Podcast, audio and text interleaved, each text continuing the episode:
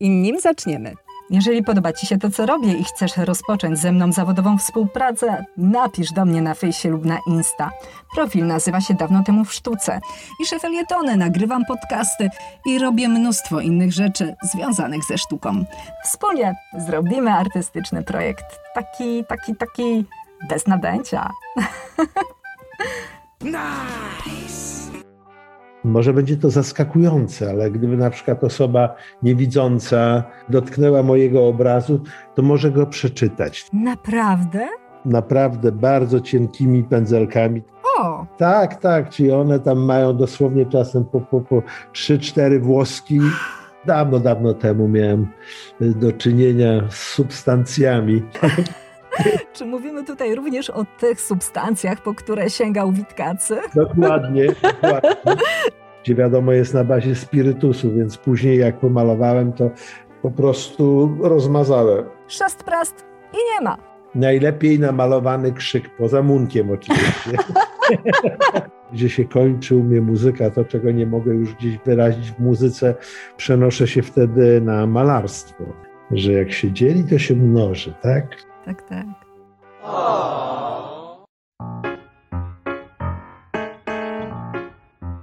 Co robi Budda w deszczowym lesie? Do czego malarzowi przydają się wytłoczki po owocach? I skąd tyle koloru u artysty, który kojarzy się nam z black and white? O tym wszystkim opowiem już za moment.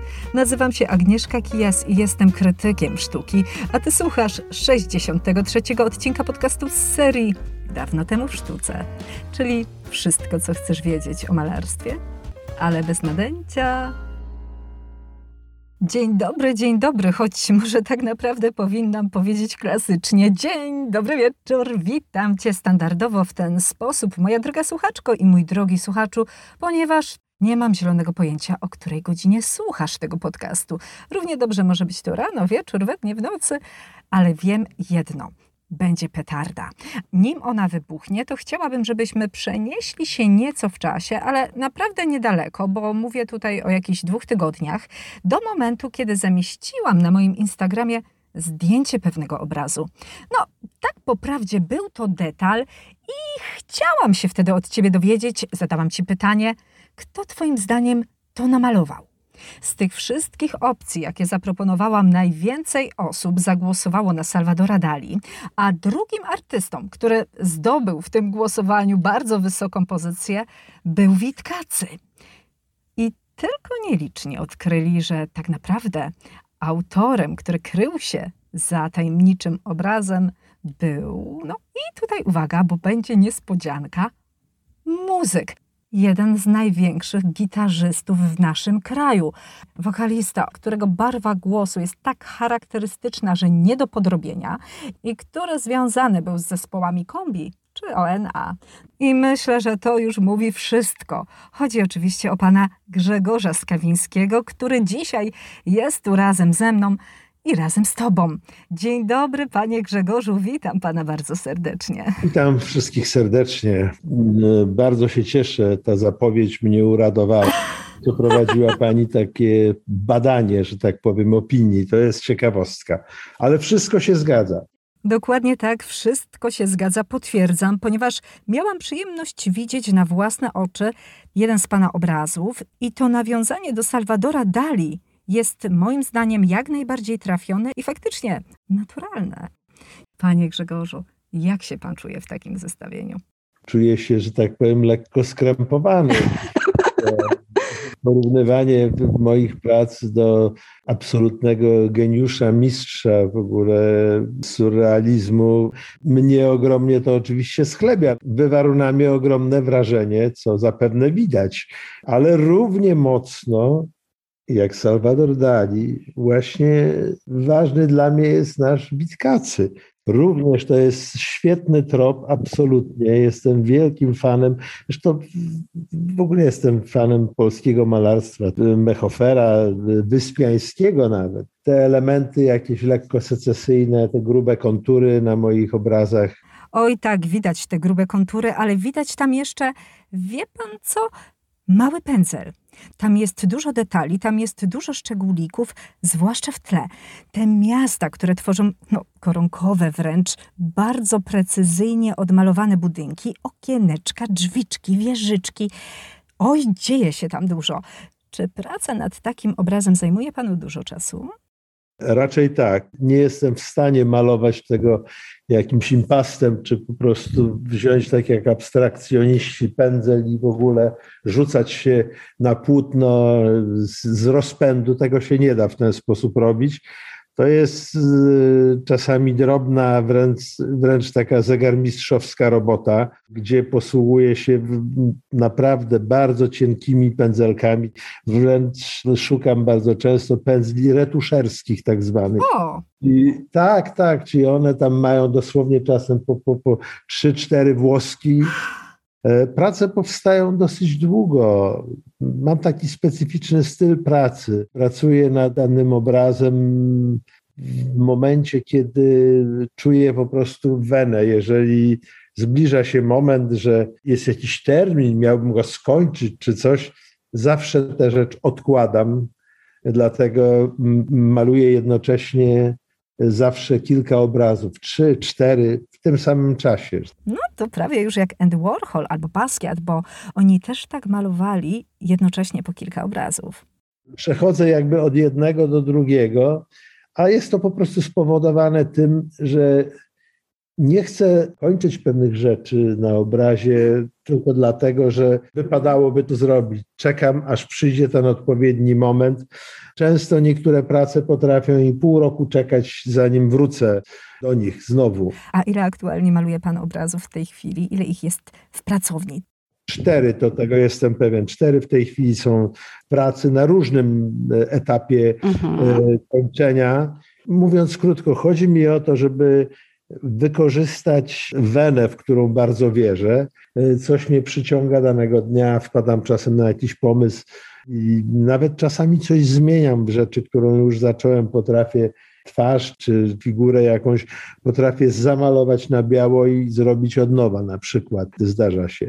Tak mi się wydaje, że jak już kończę taką pracę, to ona w zasadzie nie ma już tego ciągu dalszego, że jest tym elementem pewnym sensie jakby zamkniętym. Mam już takie prace, gdzie nie dołożyłbym mhm. nawet żadnej, żadnej kreski więcej.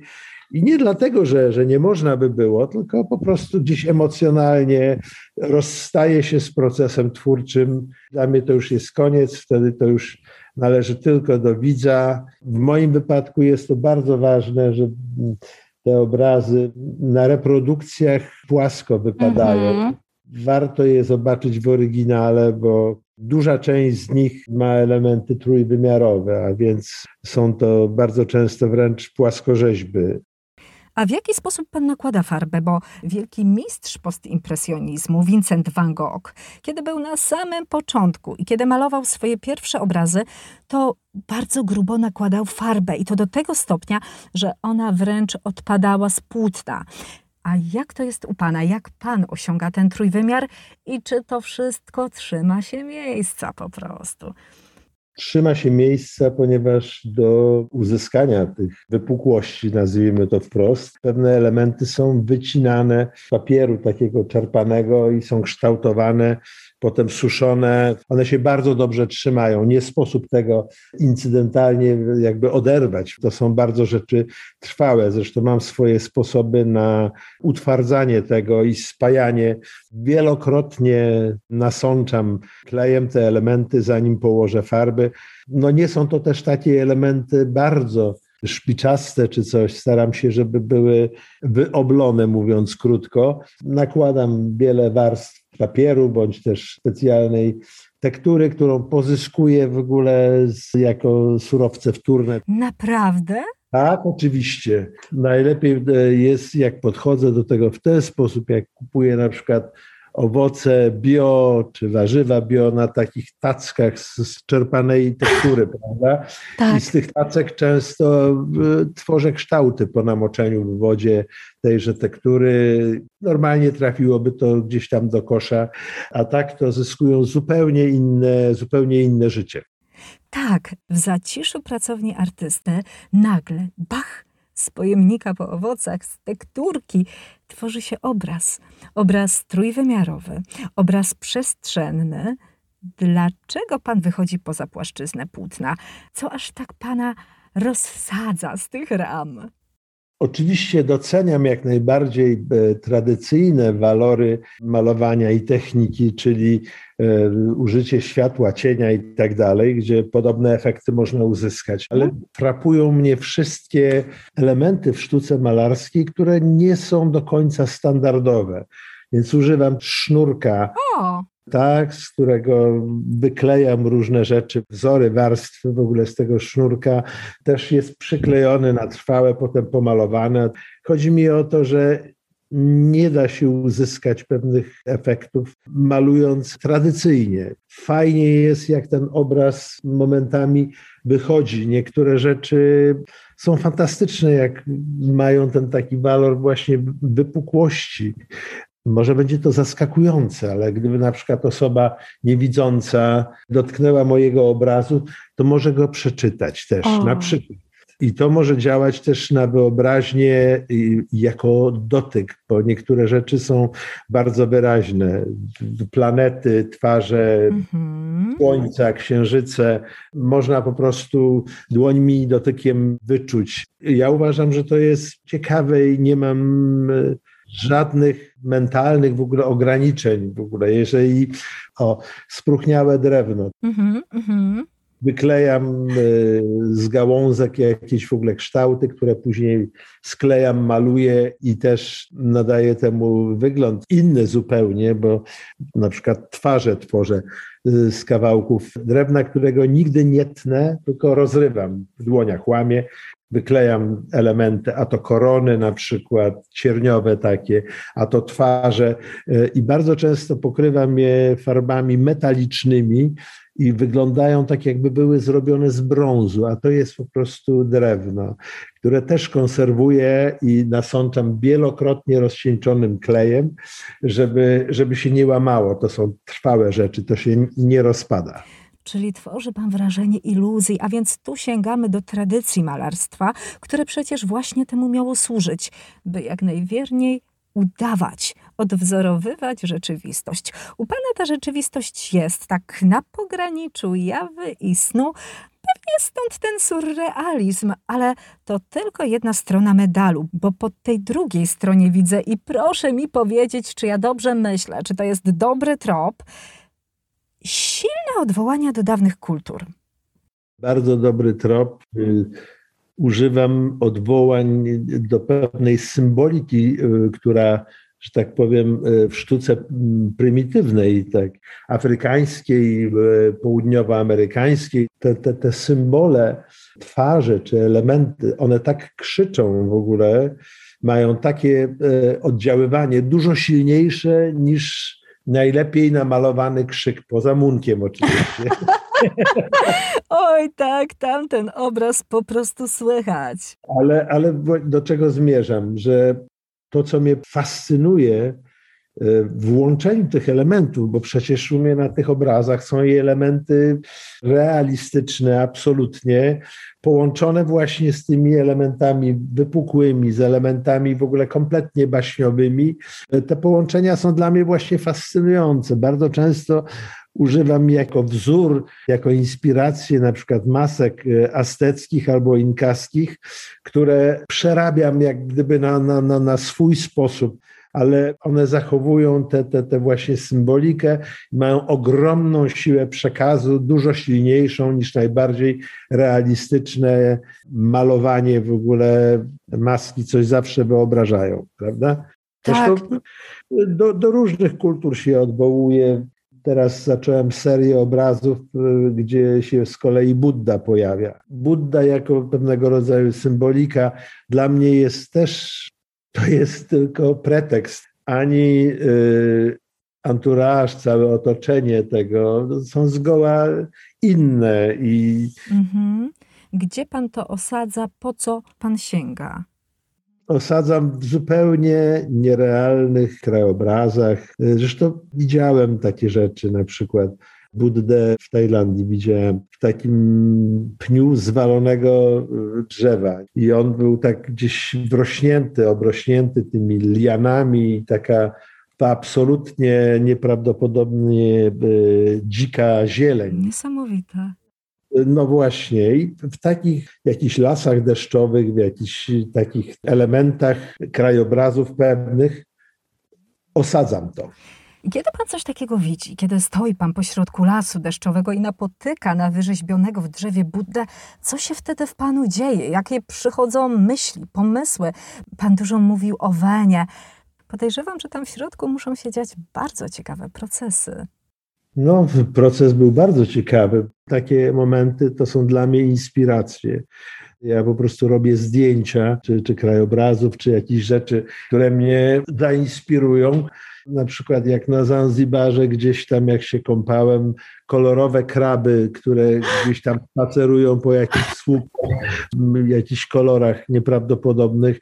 Tych inspiracji poszukuję naprawdę wszędzie. Czasem jest to zdjęcie gdańskiej starówki, na przykład z drona. Stąd y, mhm. mam te ulubione elementy, takie różne miast. Wszystko jest strasznie wymieszane, bo niektóre są obumarłe, a niektóre są żyjące. Zależy od klimatu obrazu. Jeśli ma być bardziej mroczny, no to są jakieś pobojowiska ziejące pustką mhm. czasami, a czasem są to bardzo pogodne, kolorowe domki, jak, jak z bajki. A jak już jesteśmy przy tym kolorze, bo były kolorowe kraby, są kolorowe domki, to nie ukrywam, że tym, co krzyczy z Pana obrazów, jest właśnie kolor. No, to może być dość szokujące, bo przyzwyczaił nas Pan, swoich odbiorców, do wizerunku scenicznego bardziej w kolorach black and white i zestawiając to z obrazem, kontrast jest ogromny. Tu kolor wręcz eksploduje. Pan mówi do nas kolorem. To jest mój konik. E, muszę przyznać, że dawno, dawno temu miałem e, do czynienia z substancjami. O! Czy mówimy tutaj również o tych substancjach, po które sięgał Witkacy? Dokładnie, dokładnie. I pamięć o, o tamtych kolorach, w ogóle, które w tamtych momentach widziałem, powoduje, że moje obrazy właśnie gdzieś ten kolor próbuje wręcz zdefiniować na nowo. Obsesyjnie o. biegam po sklepach plastycznych, wyszukuję farby w najnowszych technologiach robione, bo to się bardzo zmieniło w ostatnich latach. Jest taka mnogość w ogóle środków, którymi można w tej chwili malować. Jest tyle barw, które nawet w naturze gdzieś tam nie występują, prawda? Uh -huh, uh -huh. To wszystko staram się uczynić dostępne i chciałbym, żeby te moje wizje były takie no bardzo, bardzo błyszczące. One czasem są mroczne, przerażające, e, ale mają te momenty takie, które jak, jak błyskawica, jak tęcza, jak niesamowite zwierzęta. Poprzez ten kolor właśnie dodatkowo wyrażam swoje emocje, ich siłę. Stąd moje obrazy są absolutnie celowo przejaskrawione jakby definiuje kolor na nowo. On ma działać. Nie? Zazwyczaj są to rzeczy bardzo, bardzo kolorowe, chociaż obok tego koloru są rzeczy właśnie bardzo stonowane, monochromatyczne, wręcz jakieś takie przybrudzone i to jedno obok drugiego egzystuje. To jeszcze bardziej działa. Kiedy w tle widzimy opustoszałe miasto, a na pierwszym planie, tuż przed naszymi oczami, rozpiera się bezkształtna masa, jakaś hybryda, bo ni to drzewo, ni to plazma, która posiada wiele oczu, bo ja tutaj tak może postaram się opisać nieco e, słuchaczom jeden z Pana obrazów. I ta cała historia z tym miastem, z tym drzewem z oczami rozgrywa się na tle nieba w kolorze lazurytu, które jest usiane planetami. Trudno powiedzieć, czy są to słońca, czy są to księżyce, a może jakieś kosmiczne eksplozje. Zostańmy przy planetach. Ja nazywam to planetami. A więc gdzie my tak naprawdę jesteśmy? Bo jedną nogą w kosmosie, jedną nogą sięgamy nawet do duchowości, wracamy też przecież do pierwotnych azteckich tradycji, do samych początków sztuki, wtedy kiedy ona była tą naturalną potrzebą tworzenia, myślę zresztą, że nadal jest. Czy to się bierze z Pana poglądów? Czy takie jest Pana podejście do życia? no, wszystko gdzieś musi być umocowane. Mhm. Moje do życia jest y, w sumie proste. Żyj i daj żyć innym. O tak. Takie no jest moje, tak. moje podejście. I te obrazy też to mówią. Wie pan, one mówią, mm, ja już nic nie muszę, ja po prostu mogę i co ważniejsze, ja chcę. Spodziewam się, że ktoś mógłby powiedzieć, ej, ale jak to? Jak, jak można połączyć czaszkę i wydrę? A jednak okazuje się, że można, że całość robi wrażenie na odbiorcy. No dla mnie to wrażenie jest, że tak powiem, najważniejsze. Jestem już po kilku wystawach, spotykam się z publicznością, rozmawiamy. Dla mnie mhm. są to bardzo ciekawe sprawy. A co pana najbardziej zaskoczyło w reakcji publiczności? Czasem są zaskakujące interpretacje w ogóle. To Aha. jest tak, że, że czasem ktoś się dopatrzy czegoś, na co ja bym sam nie wpadł. Z kolei mm, artysta powinien dostarczać właśnie tej mnogości interpretacji, żeby każdy znalazł w takim, w takim dziele gdzieś tam swój świat, bo ja malując te rzeczy w sposób nieskrępowany absolutnie zapraszam widzów jak też i moich słuchaczy, moich fanów, tak. mojej muzyki, do mojego świata, który myślę jest chyba bardziej w ogóle złożony i mm, mówiąc krótko, tam gdzie się kończy u mnie muzyka, to czego nie mogę już gdzieś wyrazić w muzyce, przenoszę się wtedy na malarstwo. Hmm. Z kolei tam, gdzie się kończy malarstwo, e, czegoś, czego nie mogę wyrazić e, w obrazie, no to zaczyna się wtedy muzyka. I, tak dalej. I to jest mm, taki obieg, obieg zamknięty. Te rzeczy wbrew pozorom się uzupełniają. Za dźwiękami i, i, i, za obrazem stoi ta sama jakby osoba, ale może być odebrana zupełnie inaczej po obejrzeniu na przykład wystawy e, z moimi obrazami. Wielu ludzi jest kompletnie zszokowanych, zaskoczonych, że, że coś takiego będę przedstawiał. No, nie ukrywam, że sama byłam ogromnie zaskoczona, więc potwierdzam to w stu procentach, w całej rozciągłości. No ale też y, Długo to dusiłem w sobie. Dopiero przecież tak naprawdę od roku publicznie pokazałem w ogóle jakieś swoje prace. Przedtem nigdy tego nie robiłem. Ale muszę panu powiedzieć, że w sumie to nie dziwi mnie to, że sięgnął pan po pędzel, bo historia pokazała, że często dzieje się tak, że twórcy, którzy spełniają się w jednej dziedzinie sztuki, przejawiają także talenty w tych innych. I w pewnym momencie następuje ten dings, to naturalne przejście w nową formę artystycznego wyrazu, bo to przecież wszystko bierze się z tego samego zaczynu, z tej samej energii. Tylko nośnik jest inny, płótno zamiast gitary, pędzel zamiast mikrofonu. Ale z tego, co czytałam, bo nie ukrywam, że przygotowywałam się do tego wywiadu, to już w młodości ta pana artystyczna droga rozwidlała się w dwóch kierunkach. Malarstwo już wtedy dawało o sobie znać. Tak, no muszę powiedzieć, że w ogóle jako młody człowiek jeszcze w szkole średniej nie myślałem wcale tak poważnie o karierze muzycznej. Paradoksalnie wtedy pójście na Akademię Plastyczną na przykład wydawało mi się znacznie łatwiejszą drogą i zostanie na przykład malarzem niż zostanie muzykiem, bo to była duża, duża niewiadoma. Los w końcu zrządził inaczej, że poszedłem jednak bardziej w stronę, e, znaczy bardziej, poszedłem w ogóle w stronę muzyki i to malarstwo je zostawiłem na wiele, wiele lat. E, tak naprawdę to malowałem, ale na poważnie zacząłem jakiś na rok przed pandemią, zacząłem wracać w ogóle do malowania. Ale to musiało się coś w panu zadziać, coś, co sprawiło, że jednak zdecydował się pan chwycić za ten pędzel i wrócić. No szczerze mówiąc, to obracam się w środowisku. Miałem bardzo wielu przyjaciół. Te osoby po prostu malują, mówiąc krótko. A. Pozazdrościłem no jednak ta lawa wydostała się na zewnątrz. Ja nie byłem w stanie tego dalej ukrywać. Oczywiście to nie było tak, że, że nie miałem z tym do czynienia.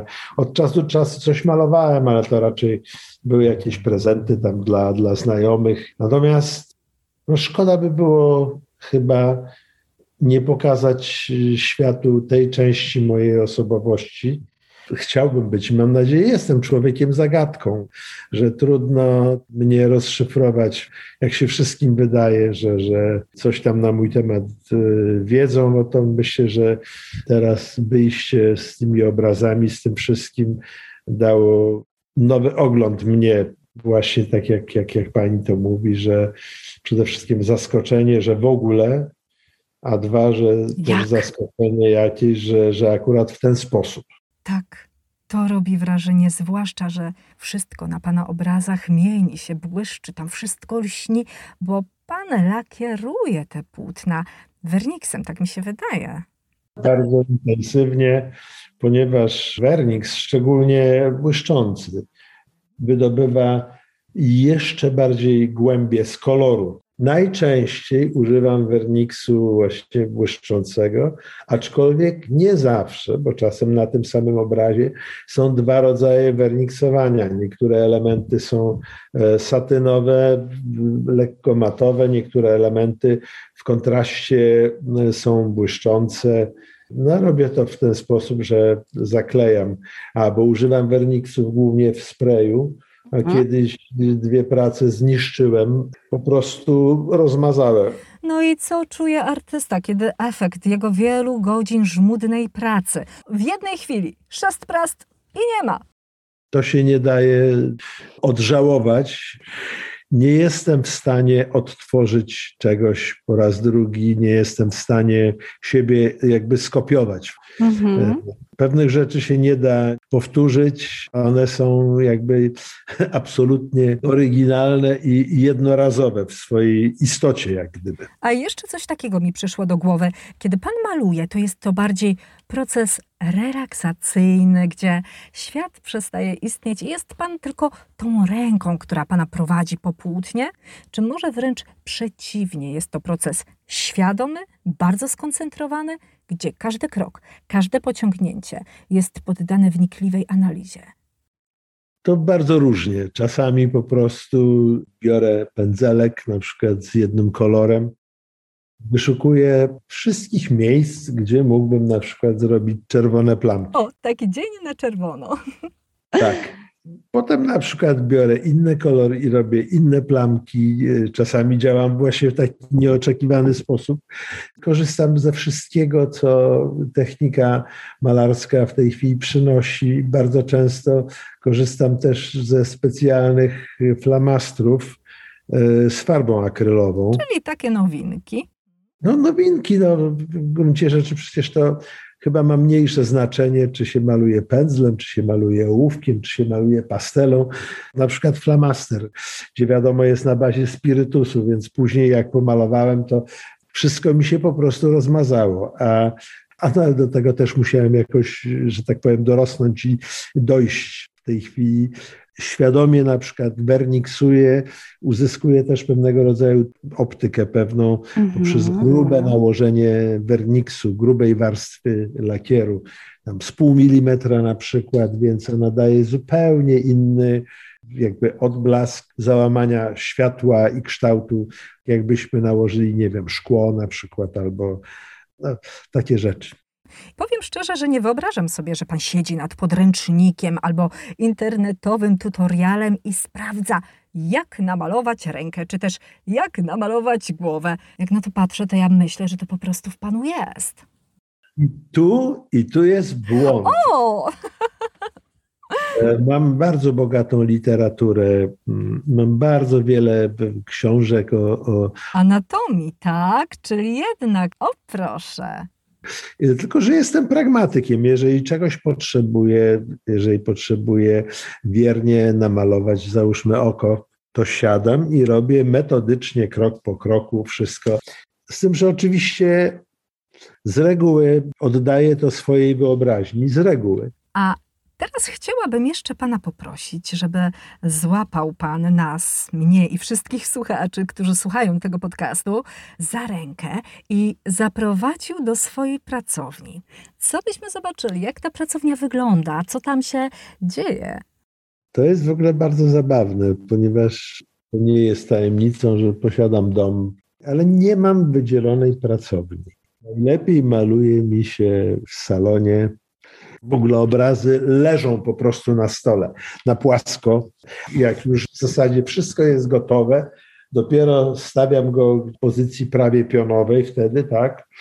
I jeszcze tam fiksuję jakieś tam szczegóły, czy, czy wprowadzam poprawki, ale ogólnie rzecz biorąc, maluję na płasko, nie maluję w ogóle na, na, na sztalugach, nie maluję na stojąco, e, nie trzymam pędzla za końcówkę, że tak powiem. Nie szturmuje pan płótna jak szermierz. Nie, nie, absolutnie. A czy towarzyszy panu jakaś muzyka? Zawsze. Najczęściej w ogóle jakieś z pogranicza rocka, ale też niekoniecznie. Czasami jest to muzyka, w ogóle potrafię sobie puścić na przykład z YouTube'a jakąś muzykę relaksacyjną mhm. E, i maluję Buddę w lesie deszczowym. I jeszcze właśnie chciałem opowiedzieć taką w ogóle ciekawostkę, bo moja pracownia jest, że tak powiem, przewoźna kupiłem jeżdżący wózek kelnerski, gdzie mam na tym wózku wszystkie farby, pędzle, nawet różne tam masy plastyczne, tekturki, nożyczki, wszystko tam, e, wszystko jest na tym, na tym wózku. I jak maluję, wytaczam ten wózek po prostu z garażu i mam po prostu pod ręką wszystko. A, taki przewoźny warsztat malarski.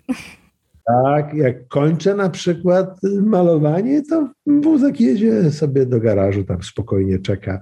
Panie Grzegorzu, ja już pana widzę. Ja już mam pełny obraz sytuacji i wyobrażam sobie pana w tym salonie, jak pan siedzi pochylony nad stołem i maluje swoje kolejne obrazy, a my później możemy je oglądać podczas wielu wernisaży, które ostatnio coraz częściej są Pana udziałem. Gdzie w najbliższym czasie będzie można zobaczyć Pana pracę?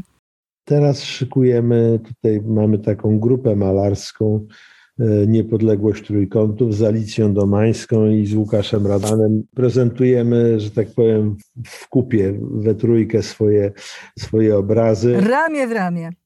Ramię w ramię, tak. Dla mnie jest to o tyle lepsze, że ja jestem zupełnie tutaj świeży w ogóle i dopiero w ten, ten świat próbuję jakoś wejść Zobaczymy, jak to, jak to będzie. Plany, plany są na Sopot, plany są na Warszawę, bo jeszcze w Warszawie się nie prezentowałem. Wiadomo, że to jest trudny teren. No i też chciałbym zaprezentować nowe rzeczy, których nie pokazywałem dotąd. Też mam taki zamiar, żeby pojawiły się nowe obrazy, dlatego muszę dużo pracować. Myślę, że się będę jakoś tam dalej rozwijał, a nie zwijał. Tego panu życzę. Życzę panu rozwoju, życzę panu podboju Warszawy. Jestem także pod ogromnym wrażeniem pana determinacji, bo przecież jest pan człowiekiem bardzo aktywnym.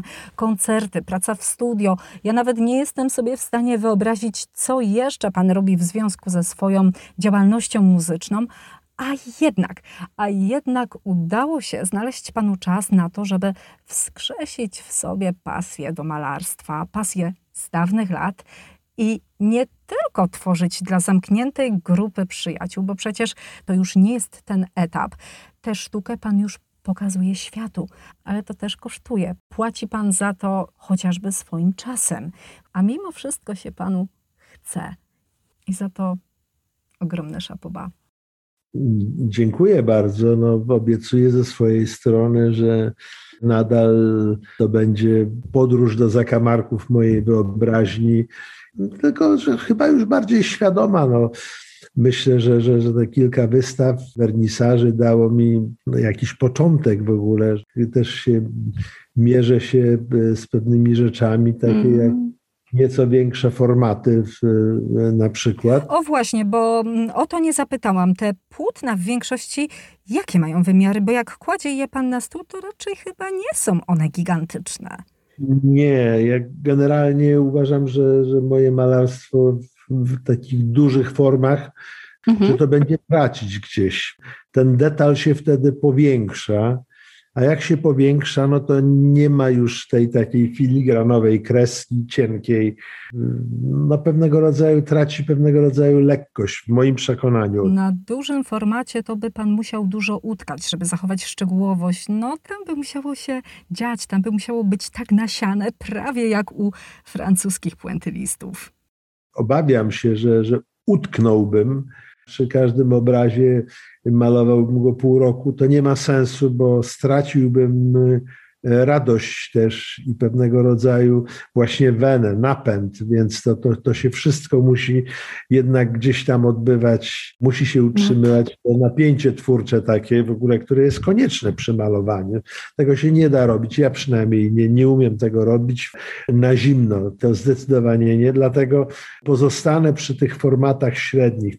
Najlepiej się czuję właśnie w takich formatach 80 na 70, 80 na 80, to są formaty, w których jeszcze cały czas można ten element tego drobnego szczegółu, drobnej kreski można zachować.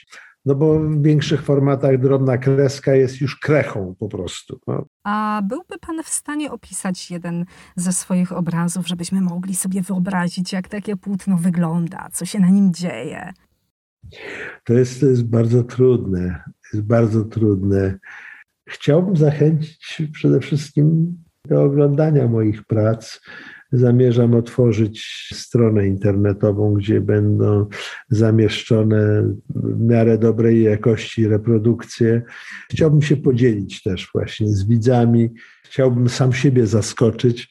Może przy okazji y, uda mi się zaskoczyć też i widzów. Odnośnie tego dzielenia się sztuką, to ktoś tak kiedyś fajnie powiedział, że Sztuka to jest taka przestrzeń, że jak się nią dzieli, to ona się mnoży.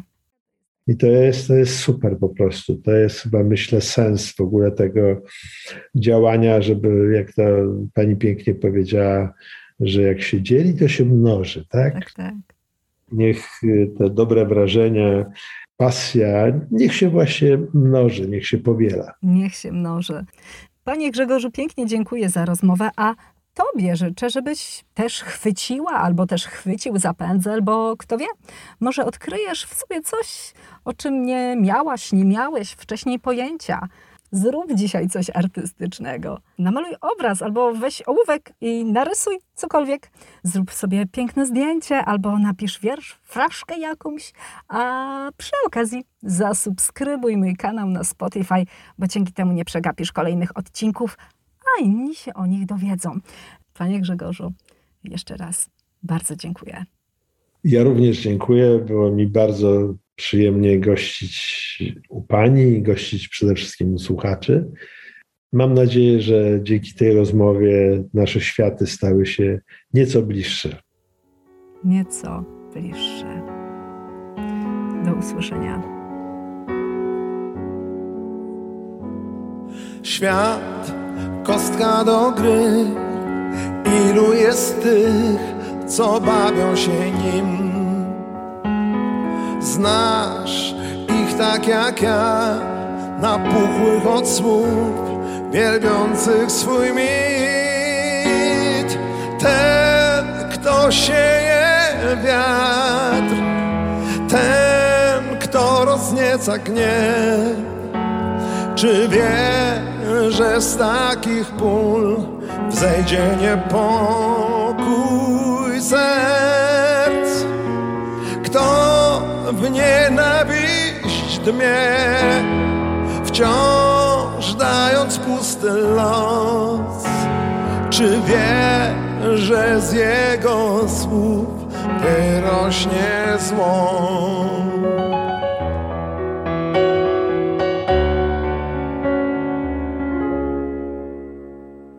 Świat, stolik do kart, gdzie każdy as obieca ci raj.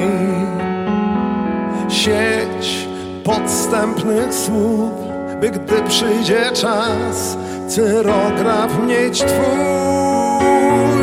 Ten, kto sieje wiatr, ten, kto roznieca gniew, czy wie, że z takich pól wzejdzie niepokój serc? Kto w nienawiść dmie, wciąż dając pusty los? Czy wie, że z jego słów wyrośnie zło?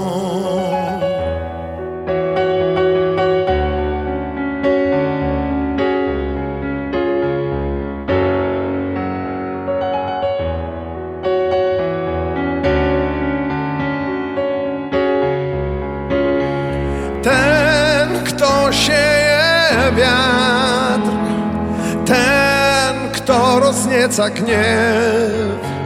Czy wie, że z takich pól wzejdzie niepokój serc?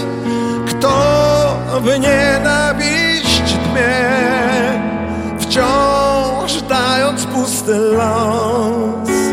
Czy wie, że z jego słów wyrośnie zło?